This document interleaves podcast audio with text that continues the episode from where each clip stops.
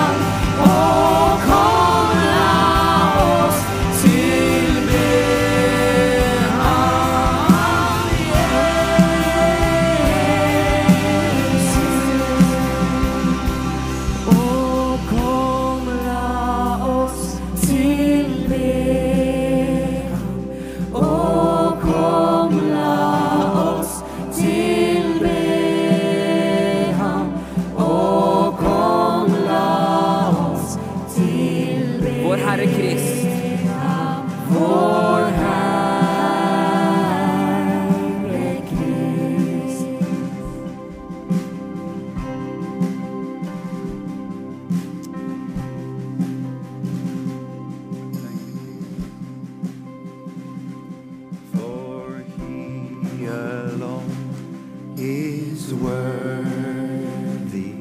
For he alone is worthy. For he alone is worthy.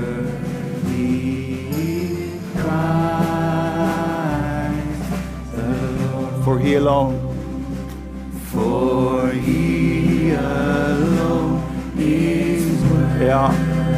For he alone. For he alone is worthy.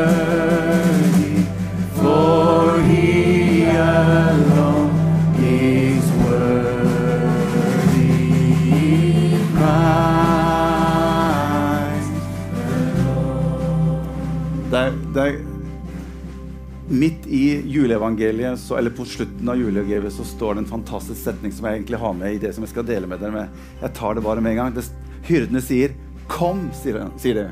Kom, la oss gå inn til Betlehem og se hva englene har forkynt til oss om. Og det er noe av det som hele julen dreier seg om. Det handler om noe av dette som hyrdene på marken fikk oppleve av Herrens herlighet. Ære være Gud i det høyeste. Og resultatet av den opplevelsen de hadde hatt der, med det fantastiske julekoret, som sikkert har vært det største og beste julekoret som har vært gjennom tidene Resultatet av det var at de sier til hverandre Dere, kom, vi må gå inn til Betlehem. Og så må vi få lov til å se med våre egne øyne det som englene har forkynt. Og så Da de kom inn dit og fikk se dette barnet, så falt de ned for ham og tilba ham. Så resultatet av å se Jesus vil alltid være at du og jeg ønsker å tilbe ham og gi han ære. Da de vise menn kom, hva var det de gjorde for noe? De falt ned for Jesusbarnet og tilba han.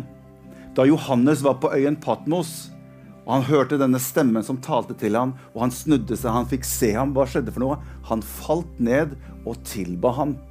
Julens budskap handler mye om Kom, la oss gå og se Han, som det tales om, som det snakkes om. Og når mennesker får se Han, så ønsker mennesket å gi Han ære. Hvorfor det? Fordi Han er verdig. Fordi Han er kongenes konge og herrenes herre. Fordi Han er den Han har sagt seg å være. Han har oppstått ifra de døde. Kom, la oss gå inn til Betlehem og se Han, være sammen med Han, oppleve Han, erfare Han og gi Han ære og pris. Fordi Han er verdt det. Det er ikke oss det dreier seg om i julen, men det er Jesus fra Nasaret det dreier seg om i julen.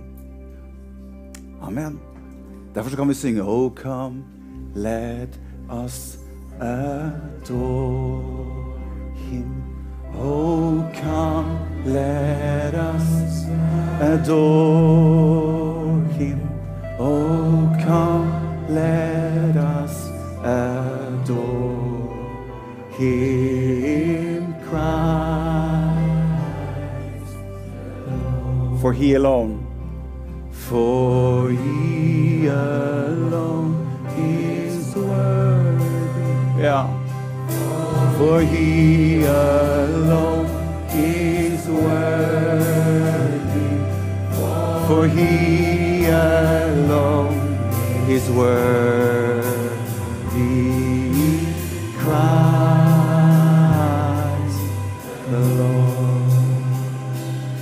Amen, amen. amen. Du, Ta også Hils på to-tre stykker som står rundt deg. Nikk litt pent, og så kan du få lov til å sitte ned.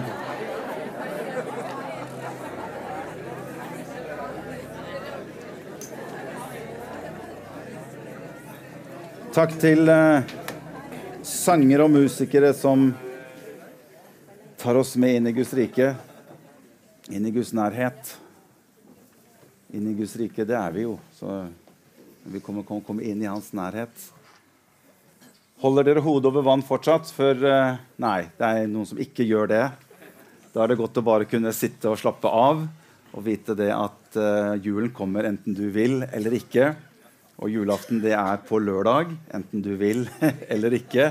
Og neste søndag så er det faktisk første, første juledag. Og det er jo som regel alltid en veldig sånn koselig, eh, litt sånn nede, nededag. Det er eh, juletid, er juletid er spesielt. Julehøytid er Det er kontrastenes høytid. Fordi at noe, mange ting blir veldig sånn synlig og klart og utfordret i julehøytiden. Derfor så tror jeg noen ganger at vi kanskje noen ganger hva skal vi si, vi glorifiserer noen ganger denne julehøytiden. fordi det er veldig mange mennesker som opplever at julehøytiden er alt annet enn hyggelig og godt og god. Men julehøytiden er jo ikke i utgangspunktet for at vi på en måte skulle ha en slags form for stor fest. Men julehøytiden er jo for å minnes et barn som ble født. Det er jo sentrum. Det er jo egentlig fokuset i det som har med julen å gjøre. For det er mange mennesker som gruer seg til julen. Det er mange barn som gruer seg til julehøytiden. Og det blir store kontraster mellom det som er godt, og det som er ondt. Det blir store kontraster mellom det som, som er lyst, og det som er mørkt. Og noe av dette reflekterer på måte julen på veldig mange måter. Julen er den høytiden hvor man må finne ut ja, skal vi til de, eller skal de til oss, eller hvordan gjør vi det nå? Det er den evige liksom, Ja, men de var jo hos dem i fjor, og da er jo det sånn at vi må heller Nei, og så, det, og så er det litt sånn, og så er det noen ganger at du, du kommer liksom ikke unna noen i familien som skal, man skal feire jul sammen med. Man blir sittende i samme rom. Og sånn er det bare. Og kanskje vi har litt godt av det òg, men det er noen ganger det er utfordrende. Og, og familierelasjoner trenger ikke alltid å være hva skal vi si, av eh, Det har skjedd ting, eller det er ting som er utfordrende, og så skal man prøve å finne ut av dette her i, i juletiden. Så uh, sånn er det. Men vi ber om at dere alle skal få lov til å få oppleve en velsignet jul. Og at Guds fred som overgår all forstand, skal få lov til å kunne hvile over oss alle sammen. Og vi kan få lov til å oppleve og erfare at julehøytiden blir en god julehøytid. Og så ber vi for alle de hjem og familier og for alle barna rundt omkring som gruer seg til jul. Vi ber om at de skal få lov til å oppleve en fred som hviler over dem. At ikke de tar skade av dette som går, som når man går inn i julehøytiden. At Herren skal få lov til å være hos dem. At engler skal være hos dem beskytte dem og bevare deres sinn og deres tanker. At ikke julehøytiden skal bli noe forferdelig noe, men de skal få lov til å kjenne at Gud er med dem i julehøytiden. Amen. Jeg skal dele noe med dere som jeg har kalt for eh, Men du, Betlehem. Og eh, det er alltid, det er alltid eh, hyggelig å kunne få lov til å dele noe som har med jul å gjøre i julehøytiden. Eh, og det skal jeg gjøre i dag. Det er jo veldig mange profetier i Det gamle testamentet som peker fram mot Messias eller Jesus som skulle komme. Og vi kunne tatt for oss veldig mange. Men jeg har valgt i dag å ta en av de som jeg syns er fantastisk spennende. Og jeg har lyst til å si litt i formiddag om dette som har med Betlehem å gjøre. Og det er spesielt en av de mindre profetene i Det gamle testamentet. Ikke mindre sånn fysisk, men når vi, vi, har noen av de store profetene og de mindre profetene. Det går litt mer på omfanget av tekst som de har skrevet i, i, i testamentet. Det er ikke det at noen er liksom noe bedre enn noen andre. Nei, nei. Det er bare at innholdet av tekst som de har skrevet i Det gamle testamentet, er mer eller mindre. Så kaller man dem for hovedprofeten, eller de store profetene og de mindre profetene. Her er en liten profet en av de mindre profetene, som heter Mika.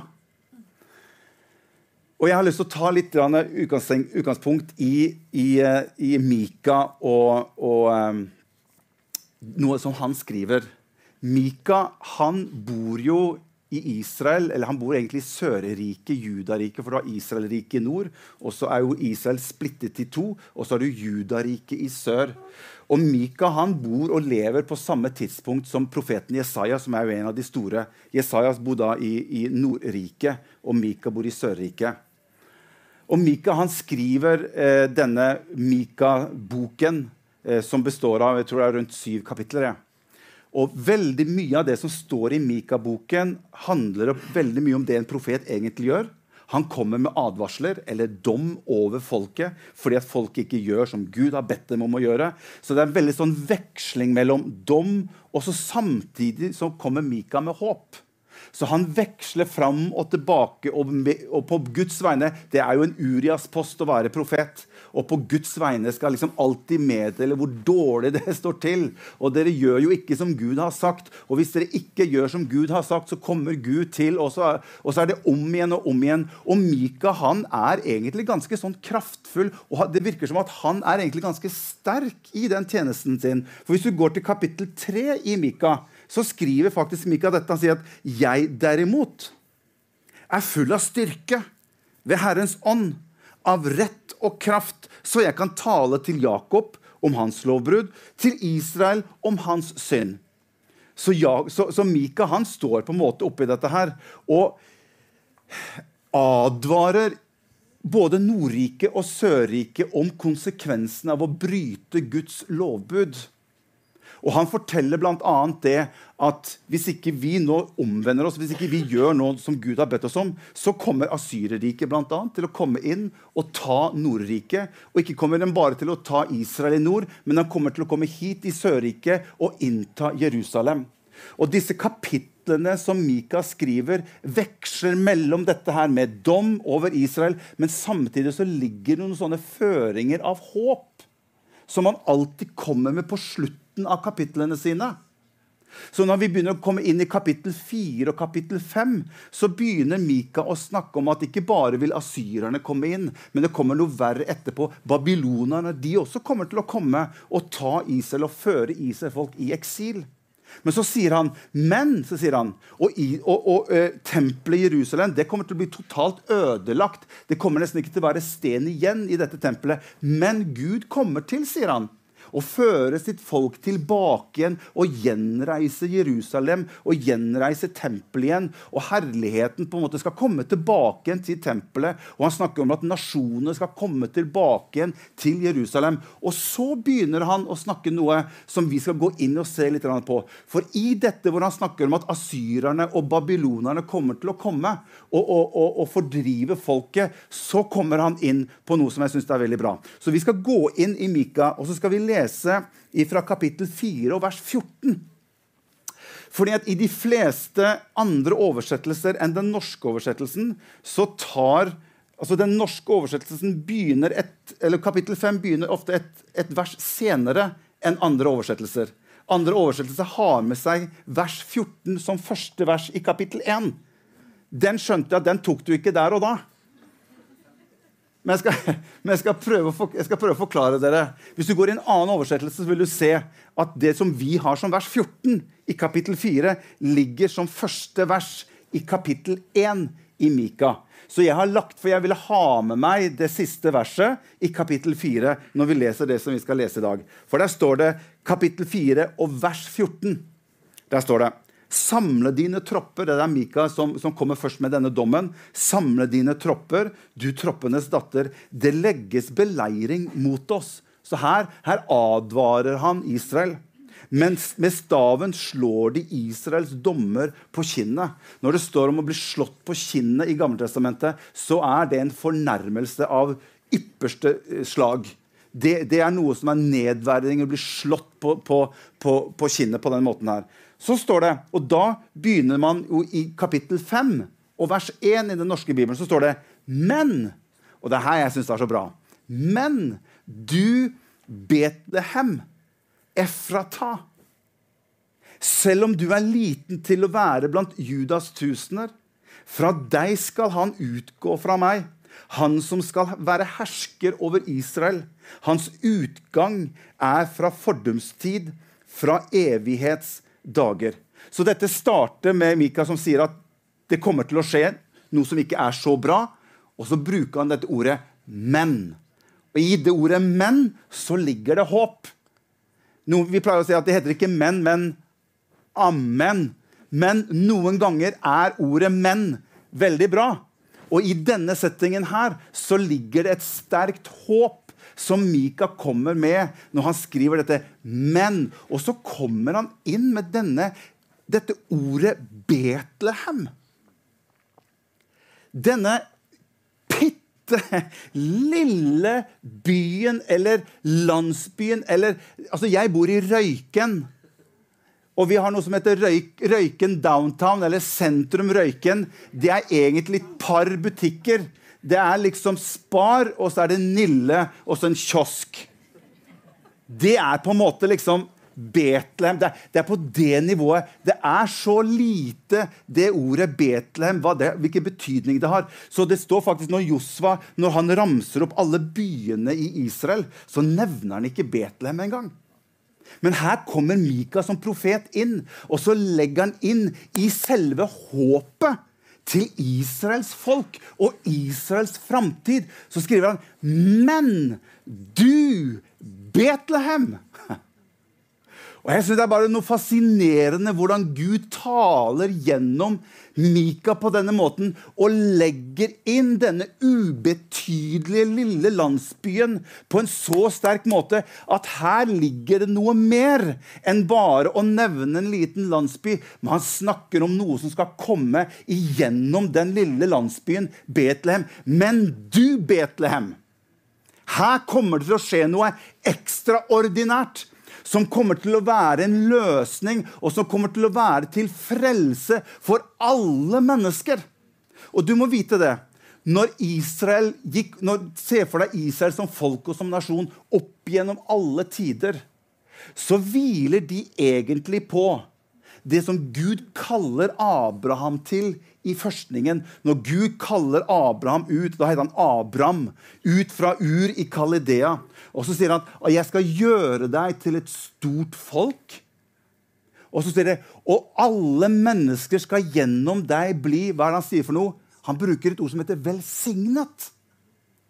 Og det ordet 'velsignet' det greide ikke israelerne, Israels folk å skjønne. Hvordan i all verden skal vi bli til velsignelse? For det å være snakk om velsignelse det var liksom ikke tema i det hele tatt.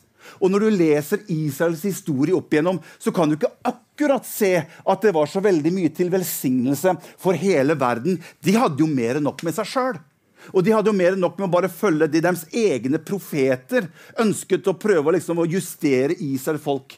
Og når Mika kommer på banen, så ikke bare tar han og går i rette med folket i Israel og i Judariket, men han går til rette mot disse falske profetene. For det var veldig mange av de på den tiden der som faktisk brukte profettittelen om seg selv. Og så sier de at 'jeg kan godt komme med en profeti over deg, men det koster et par kroner', da. Men da får du en ordentlig god profeti. Og det var et utbredt problem i Judariket at såkalte selvutnevnte profeter profeterte og brukte denne tittelen overfor folket, slik at de kunne betale en sum til disse profetene. Og Mika går kraftig i tu med dette her. Så det med velsignelsen det var noe som Israels folk skjønte. liksom, hvor, hvor, hvor, hvor kommer det hen? Og det er noe av det Mika begynner her og legge opp på bordet at det skal skje. Men du, Betlehem, så begynner ting på en måte å klokke begynner å nærme seg det som faktisk ikke var mulig før. Det blir nå mulig gjennom dette bitte lille stedet Betlehem. Og så står det videre Derfor, sier Mika, skal han overgi dem inntil den tiden da hun skal føde har født, ja, så skal resten av hans brødre vende tilbake til Israels barn. Han skal stå og være hyrde i Herrens styrke, i den høye majestet ved Herren sin Guds navn. De skal bo trygt, for nå skal han være stor helt til jordens ender. Og han skal være fred Hva var det hyrdene på marken fikk gjøre? Han sa er, han er fredsfyrsten som blir født. Jeg syns det her er veldig bra. Men du, Betlehem, Efrata, selv om du er liten til å være blant Judas tusener Fra deg skal han utgå fra meg, han som skal være hersker. Hvorfor ikke Jerusalem, da? Jeg hadde liksom tenkt at Jerusalem på en måte som hadde den historikken, som var liksom den store hovedstaden, der hvor tempelet lå Hvorfor kunne han ikke si, 'Men du, Jerusalem, hos deg skal det bli født en frelser', 'og all lov og rett skal jo gå ut ifra deg', og det er, der, det er der det helt store skal skje. Men han sier Betlehem, denne ubetydelige byen.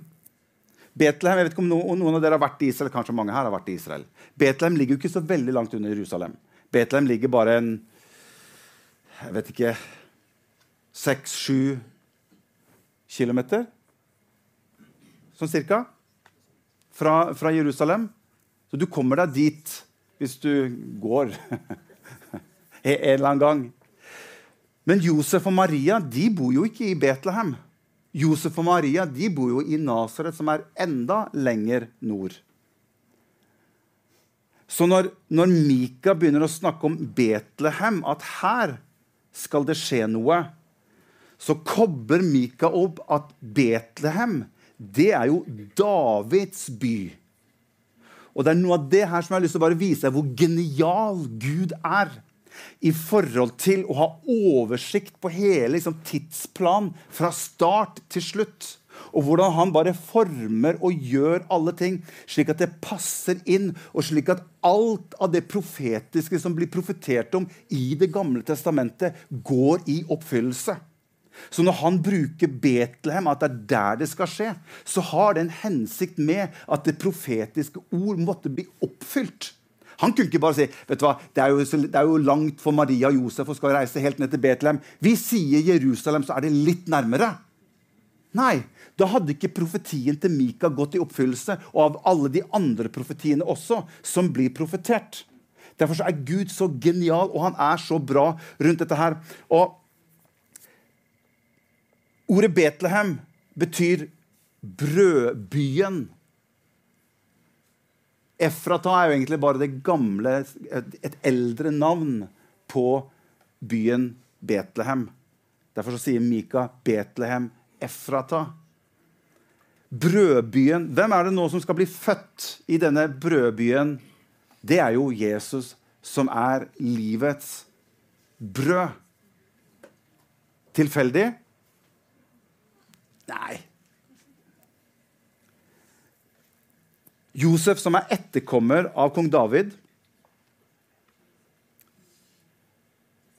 er egentlig pålagt ut ifra det profetiske sammen med Maria, som nå er gravid og skal ha barn, å føde barnet i Betlehem. For det er noe som er fastsatt, på en måte forordnet av Gud gjennom de profetier som har blitt gitt. Men de bor jo i Nasaret. Så hva gjør Gud for noe? Jo, I juleevangeliet så leser vi jo det med at keiser Augustus Kjenner til han? Han har da gitt ut en befaling om at alle skulle innskrives i manntall. Hver til sin by. Du vet at keiser Augustus Jeg vet ikke om dere, jeg skal få si litt om keiser Augustus. Keiser Augustus han er nevøen til Julius Cæsar, denne kjente keiseren Julius Cæsar. Han er hans nevø. Så når Julius Cæsar er keiser, så oppdager egentlig Julius Cæsar at hans nevø han het, han het Gaius Octavius. het han på den tiden der. En ung gutt som var en fantastisk kriger. Litt sånn gladiatoren-type. Eh, veldig flink kriger og etter hvert en veldig god hærfører.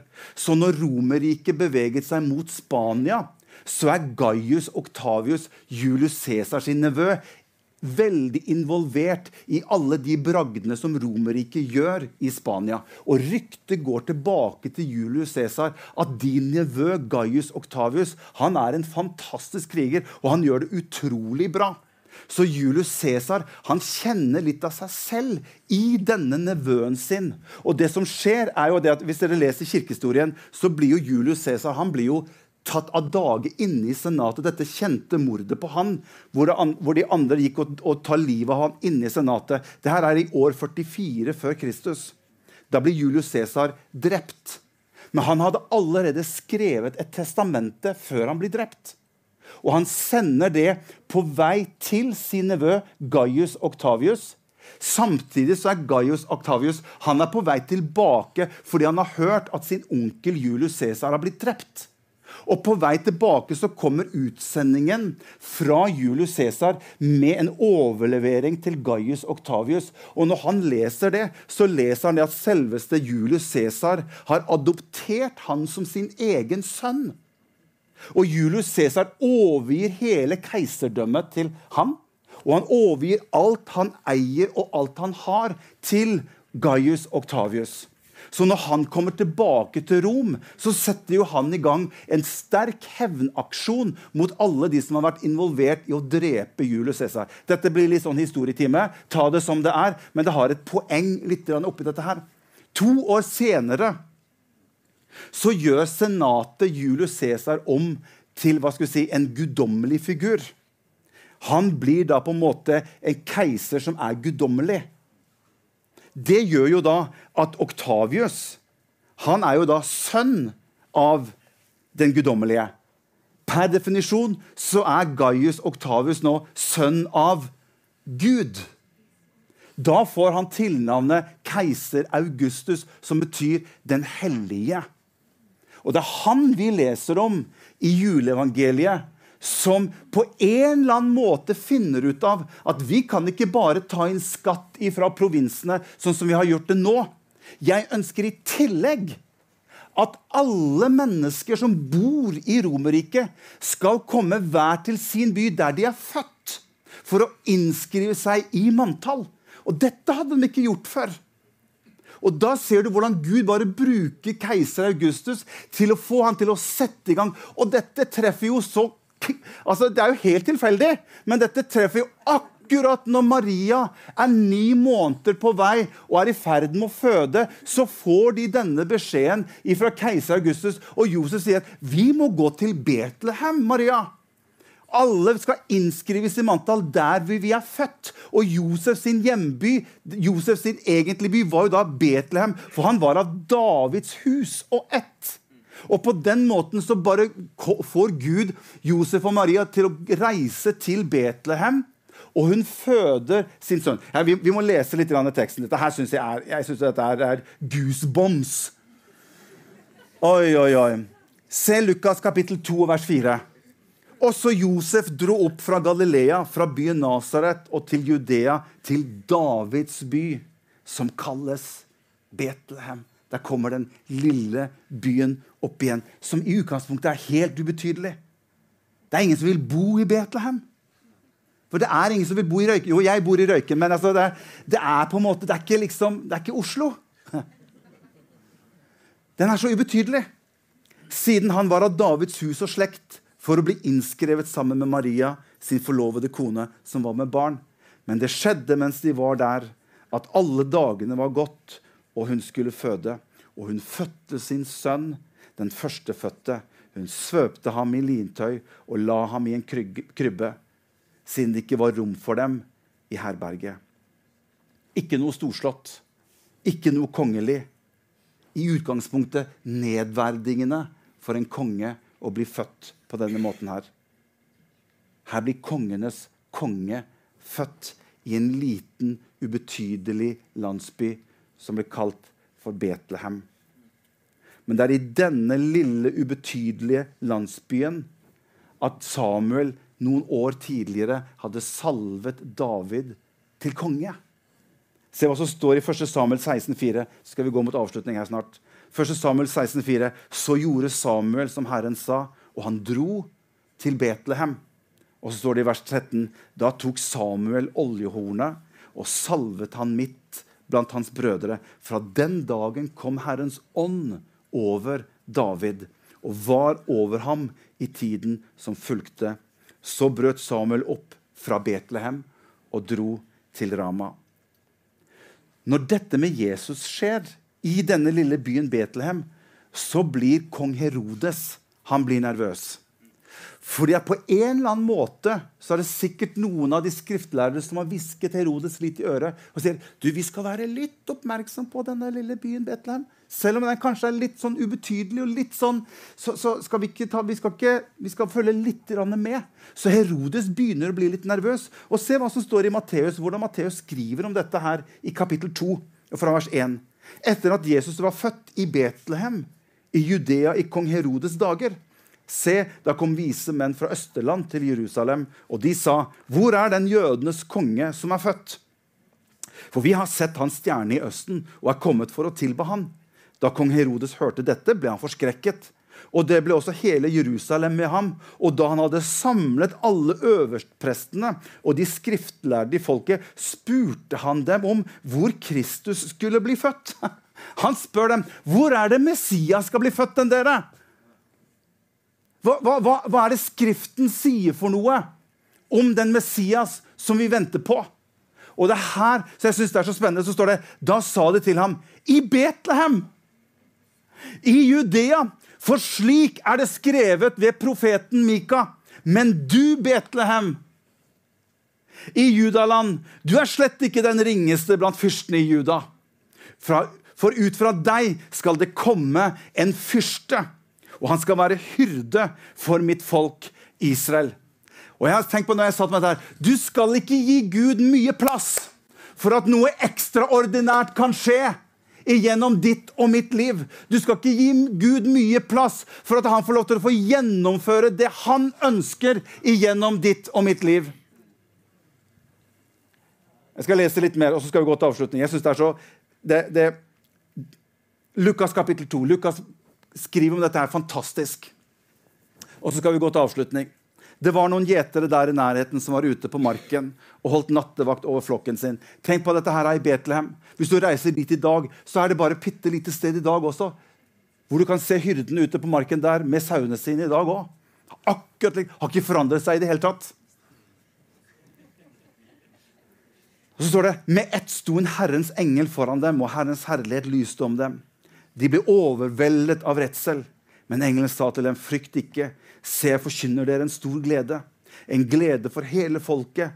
I dag er det født en frelser i Davids by. Han er Messias, Herren.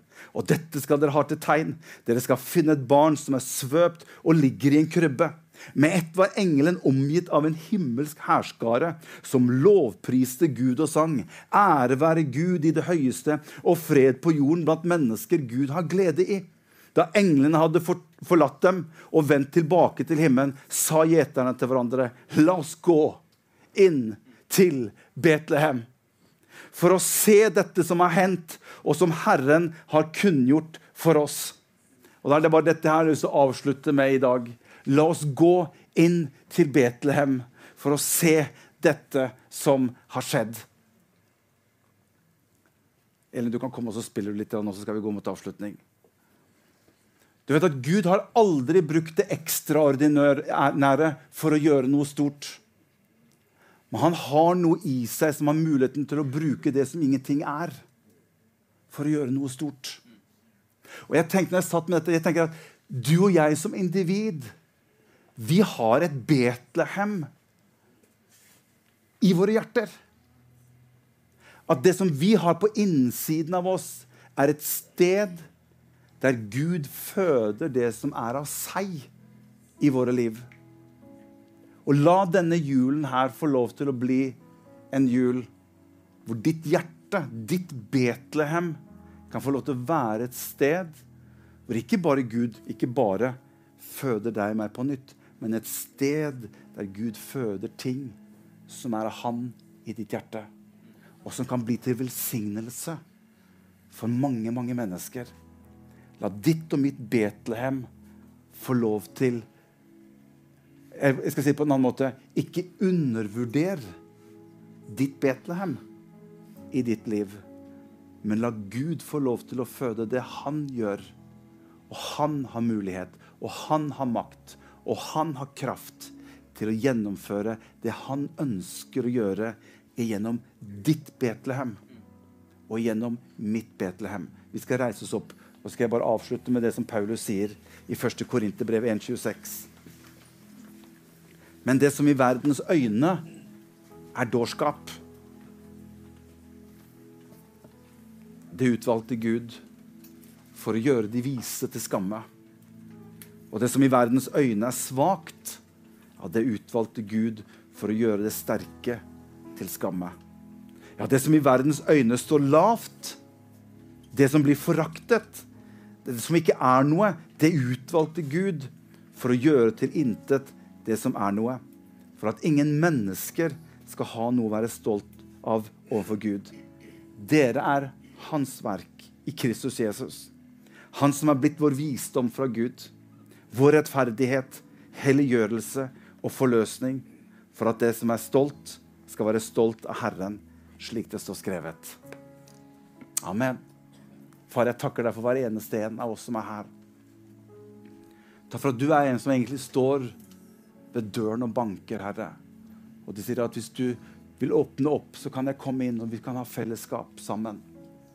Jeg ber deg her om at alle som er her, og alle som ser på sendingen, Herre, at de har fått lov til å gi, gi deg en mulighet til å komme inn og dele fellesskap med deg. At det kan skje en, et under i menneskers Betlehem i dag. At du kan få lov til å oppleve at Gud blir født i ditt Betlehem. Gud velsigne dere alle sammen. Vi synger litt det sammen.